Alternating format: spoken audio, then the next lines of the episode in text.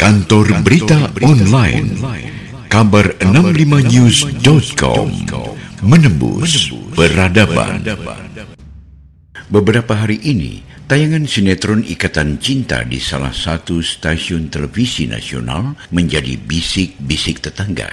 Pasalnya, yang mengkomentari sinetron itu sekelas Roy Suryo, mantan menteri di era Presiden SBY.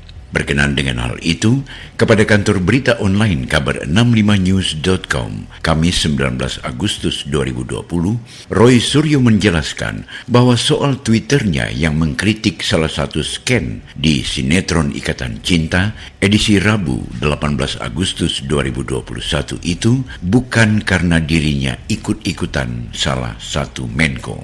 Maaf, saya bukan ikut-ikutan salah satu Menko yang sempat berkomentar soal skenario hukum dalam sinetron tersebut.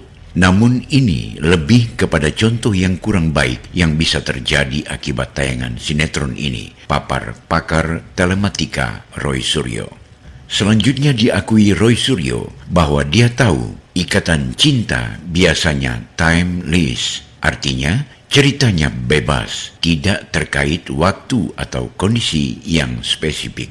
Tetapi di tayangan edisi Rabu 18 Agustus 2021 semalam, ada scan dengan suasana 76 tahun RI yang jelas-jelas Indonesia dalam pandemi saat ini. Atau syuting jelas dilakukan baru-baru ini karena ada tagline Indonesia Tangguh, Indonesia Tumbuh, ungkap mantan politisi Partai Demokrat ini. Dalam scan tersebut terang Roy bahwa semua pemain tidak ada yang prokes tanpa jaga jarak dan masker sama sekali. Tampak juga saling berpegangan, bahkan cipika-cipiki yang mana hal tersebut sangat tidak disarankan saat dalam suasana pandemi seperti waktu yang digambarkan dalam sinetron Rinci Roy. Meski di awal selalu ditulis, semua pemain dan kru sudah mengikuti swab atau tes antigen.